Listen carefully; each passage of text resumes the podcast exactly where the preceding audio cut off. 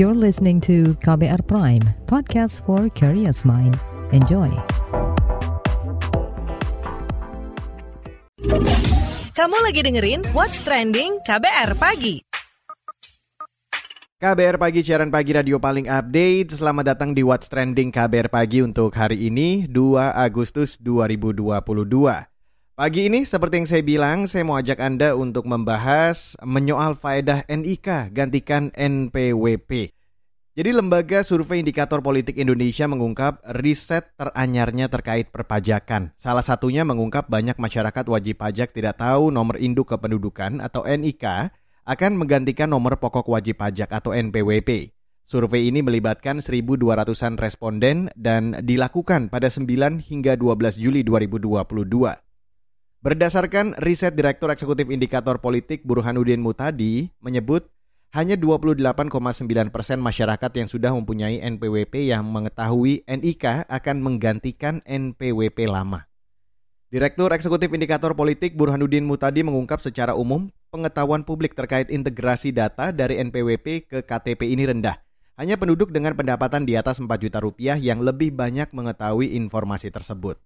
Nah, Direktorat Jenderal Pajak atau DJP dan Kementerian Keuangan memang telah meresmikan penerapan NIK atau nomor identitas kependudukan sebagai NPWP atau nomor pokok wajib pajak dan sudah diberlakukan sejak 14 Juli 2022. Tapi sekarang itu masih di tahap integrasi atau sinkronisasi NIK sebagai NPWP dan akan dilaksanakan hingga Desember 2023. Tapi gimana sih penerapannya? Jadi Direktur Jenderal atau Dirjen Pajak Suryo Utomo mengatakan, NIK sebagai NPWP akan diberlakukan sebagai basis administrasi wajib pajak orang pribadi atau perorangan, sedangkan pada wajib pajak badan akan menggunakan NIB atau nomor induk berusaha yang dirangkap menjadi NPWP dalam menjalankan kewajiban perpajakannya. Terdapat dua pola aktivasi NIK menjadi NPWP, yakni satu, Masyarakat yang sudah memenuhi kriteria sebagai wajib pajak bisa langsung memberitahu Direktorat Jenderal Pajak atau DJP untuk dilakukan aktivasi NIK dan atau DJP secara mandiri mengaktifasi NIK dengan hasil sinkronisasi data wajib pajak yang dimiliki mengenai penghasilan, baik hasil bekerja maupun hasil dari adanya kegiatan bisnis di Indonesia. Setelah itu DJP akan mengkonfirmasi langsung kepada pemilik NIK bahwa proses aktivasi sudah dilakukan. Nah sebelum kita lebih lanjut lagi untuk ngobrolin topik kita pagi ini, seperti biasa saya mau ajak Anda dulu untuk mendengarkan komentar dan opini dari netizen plus 62 berikut ini.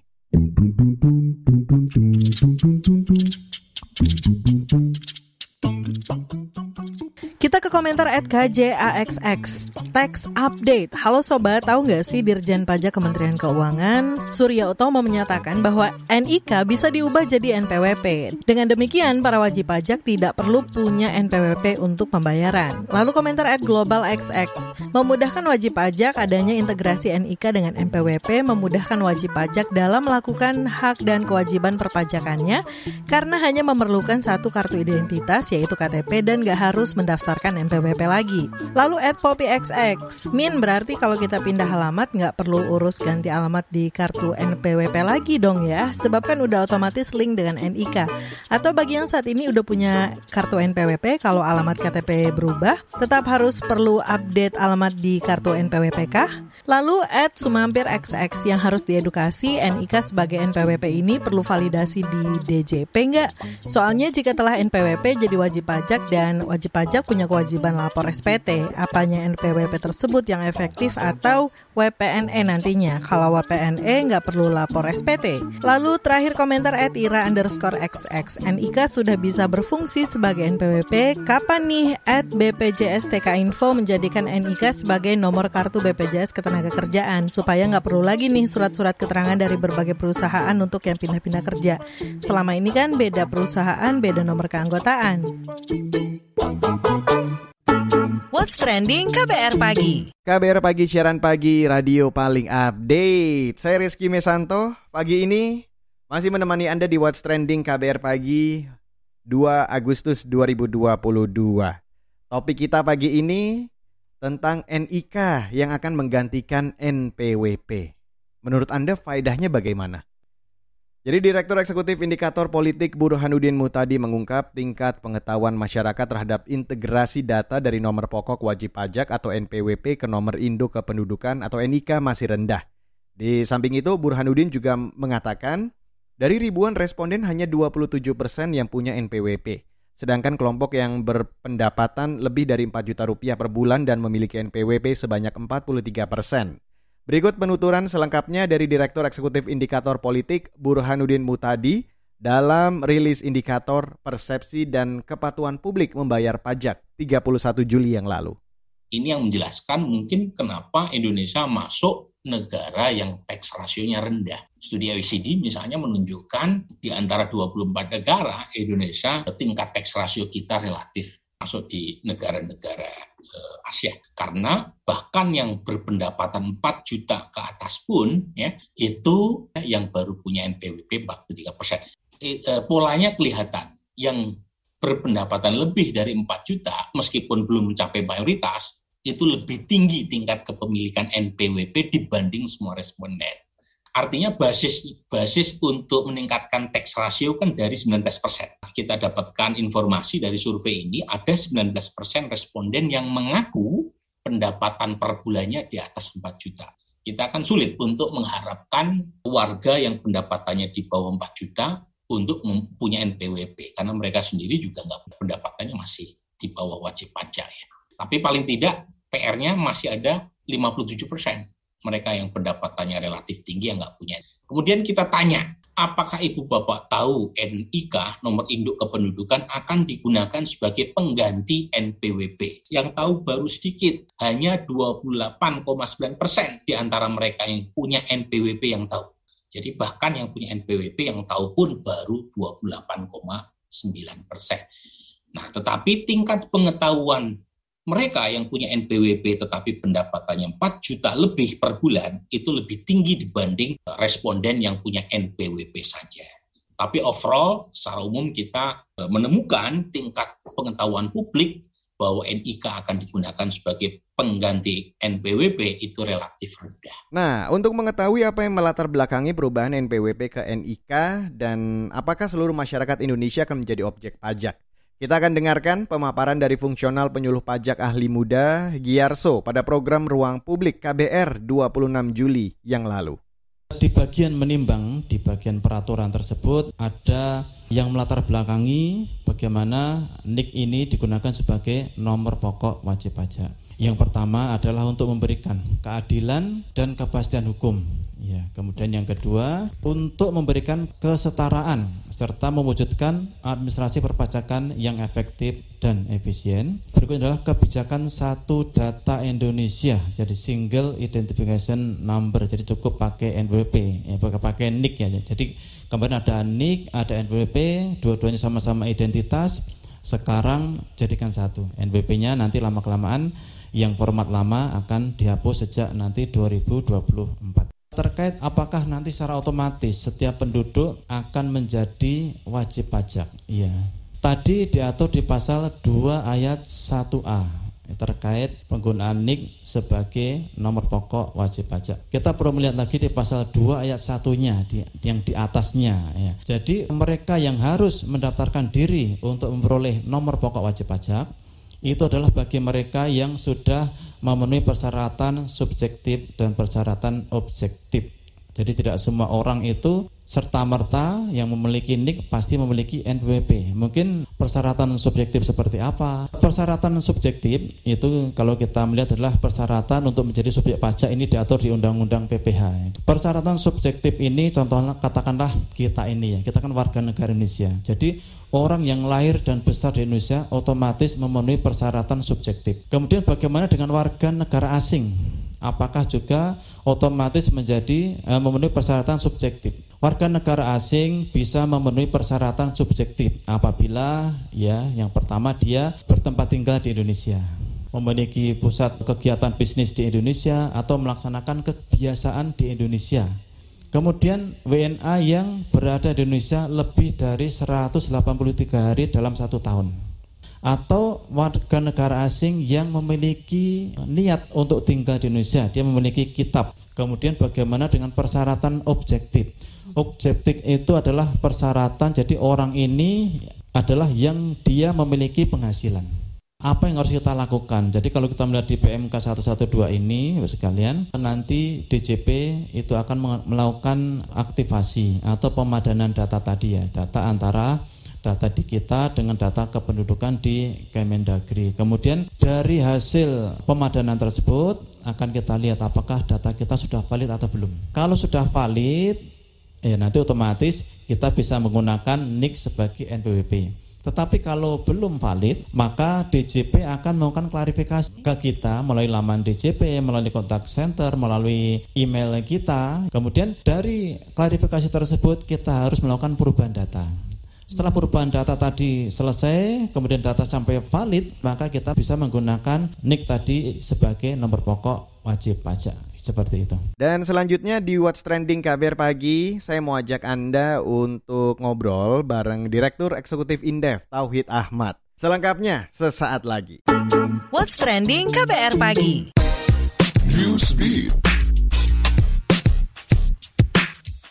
New York resmi menyatakan status darurat kesehatan wabah cacar monyet atau monkeypox. Penetapan status darurat ini dikarenakan New York dianggap sebagai pusat wabah di seluruh negara bagian Amerika Serikat. Penetapan status darurat cacar monyet ini untuk menekan laju penularannya. Pemerintah setempat memperkirakan ada 150 ribuan warga New York beresiko tertular cacar monyet. Menurut pemerintah kota New York, Eric Adams dan komisaris Komisaris Departemen Kesehatan dan Kebersihan New York, Dr. Aswin Fasan, wabah tersebut harus ditangani dengan serius. Pemerintah juga menambahkan jumlah orang untuk mendapatkan akses vaksin cacar monyet.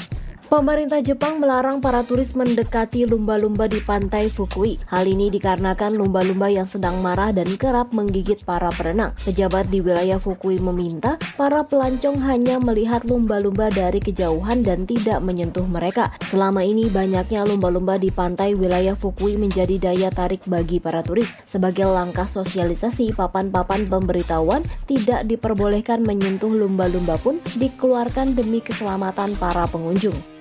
Pemerintah Makau melarang warga dan turis berenang dan melakukan aktivitas air di pantai. Meski begitu, para pelancong diperbolehkan bermain dan menghabiskan waktu di pinggir pantai. Pembukaan kembali pantai-pantai di Makau sebagai langkah pemulihan ekonomi di tengah penyebaran COVID-19. Salah satu penyebab masyarakat dan pelancong tidak diperbolehkan berenang karena suhu panas yang mencapai 34 derajat Celcius. Selain melarang berenang dan bermain air, pemerintah Makau juga mewajibkan penggunaan masker, menghindari kerumunan dan tidak melakukan olahraga berat.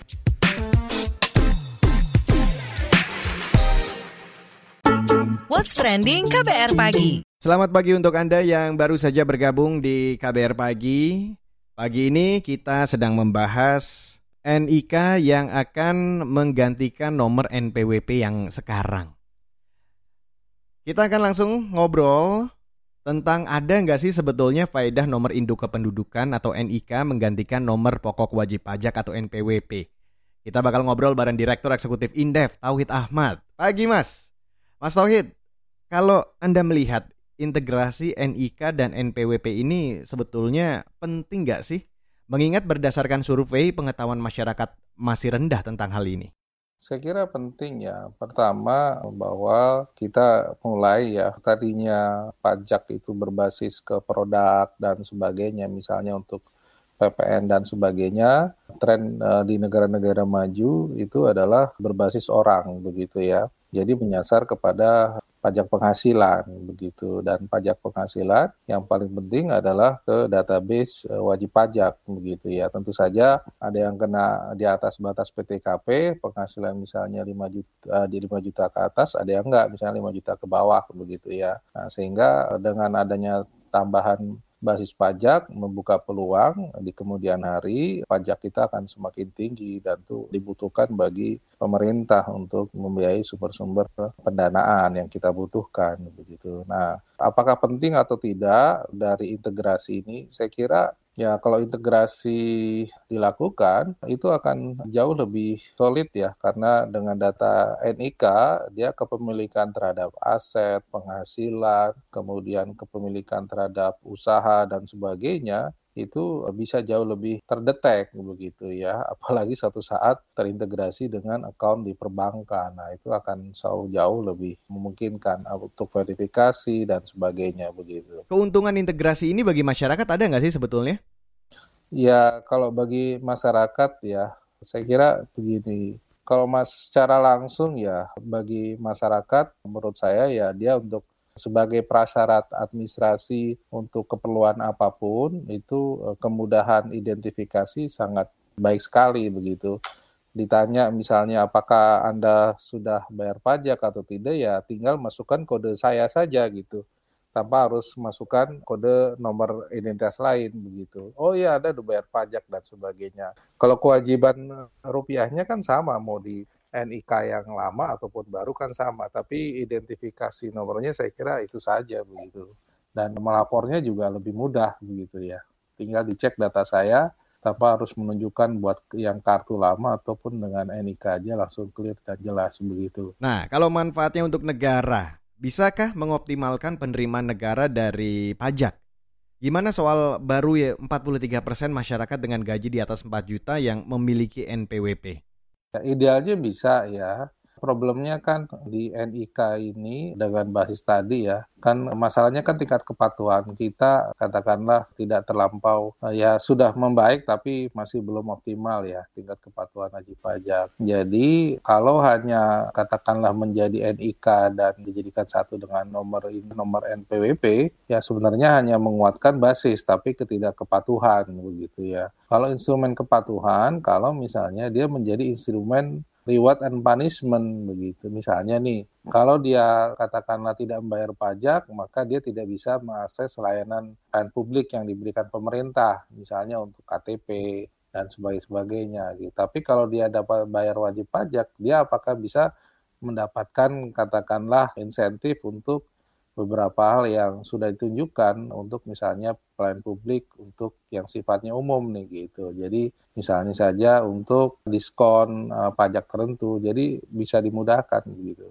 Jadi sebenarnya potensinya bisa, tapi kalau langsung ya saya kira nggak otomatis. Tingkat kepatuhan itu sangat tergantung dari kondisi ekonomi ya. Kalau lagi ekonominya sulit, biasanya kepatuhannya relatif rendah dan dipengaruh ke pendapatan. Jadi mereka banyak yang ah, tahun ini pendapatan saya turun dah malas ngelapor gitu. Itu memang sangat dipengaruhi oleh itu. Yang kedua adalah pemahaman dan pengetahuan. Ini kalau terdaftar saya bayarnya gimana ya? Itu ternyata mereka nggak ter tersosialisasi dengan baik gitu. Nah, yang ketiga saya kira dipengaruhi juga oleh kemudahan atau fasilitas yang diberikan begitu. Kalau semakin sulit mereka enggan untuk melapor dan sebagai kepatuhannya akhirnya rendah. Kalau kita bicara tentang kekhawatiran soal risiko keamanan data. Ada nggak sih sebetulnya kekhawatiran itu? Terlebih rancangan undang-undang perlindungan data pribadi atau PDP kan belum disahkan. Ini gimana nih? Itu jangankan data pajak ya, semua data kita itu mungkin juga sudah ke mana-mana begitu ya karena kita kan setiap kali input di HP ya data kita dan sebagainya di sistem identifikasi account ya apakah di email, WhatsApp kemudian account uh, aplikasi-aplikasi, itu kan datanya nggak bisa dijamin. Apalagi ini gitu ya, NIK pasti mudah sekali begitu. Ancaman tuh ada karena itu memang saya kira untuk masalah perlindungan data pribadi ini memang harus ada undang-undangnya. Sekarang kan belum ada undang-undang. Nah, itu belum ada, udah hampir tiga tahun nih, Mas. Yang kedua, siapa yang menyelenggarakan perlindungan info atau OJK atau siapa ini masih belum jelas begitu. Memang di ininya Kemeninfo, tapi apa mereka mengurus ini bisa lebih detail. Di negara lain itu ada otoritas yang secara independen memang bertugas melakukan backup data, perlindungan data dan sebagainya dan mereka punya sistem. Negara lain Singapura punya lembaga sendiri untuk perlindungan data pribadi. Terkait sosialisasi yang dirasa kurang, mengapa perlu pemahaman di masyarakat? Apa yang perlu dilakukan untuk meningkatkan kesadaran membayar pajak? Mayoritas ya, kalau dari lihat dari situasi kondisi ekonomi ya ketika ekonomi turun biasanya mayoritas banyak yang kepatuhannya juga turun karena merasa dia sudah berada di bawah garis ya. Tapi secara formal enggak, dia pendapatannya lagi turun, kantong lagi turun, akhirnya malas gitu karena dia tahu, waduh saya ini sebenarnya nggak mampu gitu. Tapi nama saya sudah terdaftar begitu. Jadi pengaruh ke situ ya. Kedua saya kira sosialisasi tetap harus dilakukan, bukan hanya tertulis, tapi yang saya lihat kan hanya kampanye hanya medsos saja, media saja. Tapi ke secara organisasional, ke level katakanlah Pemda, ke kelurahan, kecamatan, dan sebagainya masih kurang. Yang masyarakat tahu pajak itu hanya level yang terselai dengan baik adalah pajak-pajak daerah begitu ya, misalnya PBB gitu ya, pajak motor kendaraan kayak gitu itu. Tapi pajak penghasilan masih relatif rendah gitu. Itu ya itu kan kewenangannya pusat ya. Tapi yang pajak daerah saya kira memang sudah cukup lebih baik gitu. Tapi kalau yang pusat ini soalnya pajak penghasilan wah jarang itu ada himbauan dan sebagainya dari tokoh masyarakat ataupun petugas-petugas sampai level RW atau e, desa begitu ya. Bahkan nggak ada kali ya. Kebanyakan hanya PBB saja. Ini ada tagihan PBB gitu. Tapi kalau yang penghasilan kan nggak ada tagihannya. Ya itu kan kerelaan. Kalau kerelaan ya tergantung. Kalau dia menjadi prasyarat untuk ngapa-ngapain biasanya dia cepat. Tapi kalau kerelaan ya sulit gitu ya. Oke, terima kasih Mas. Itu dia Direktur Eksekutif Indef Tauhid Ahmad yang sudah saya ajak ngobrol tentang topik kita pagi ini. NIK yang menggantikan nomor pokok wajib pajak atau NPWP. What's trending KBR pagi? Commercial break. Commercial break.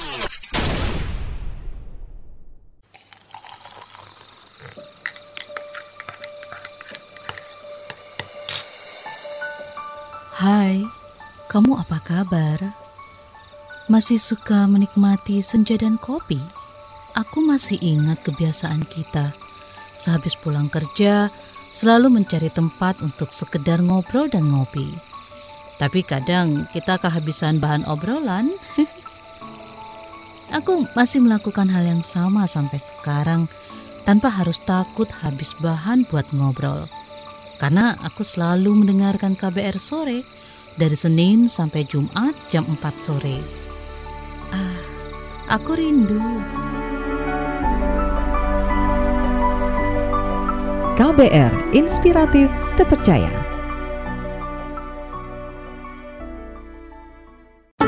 What's trending KBR pagi?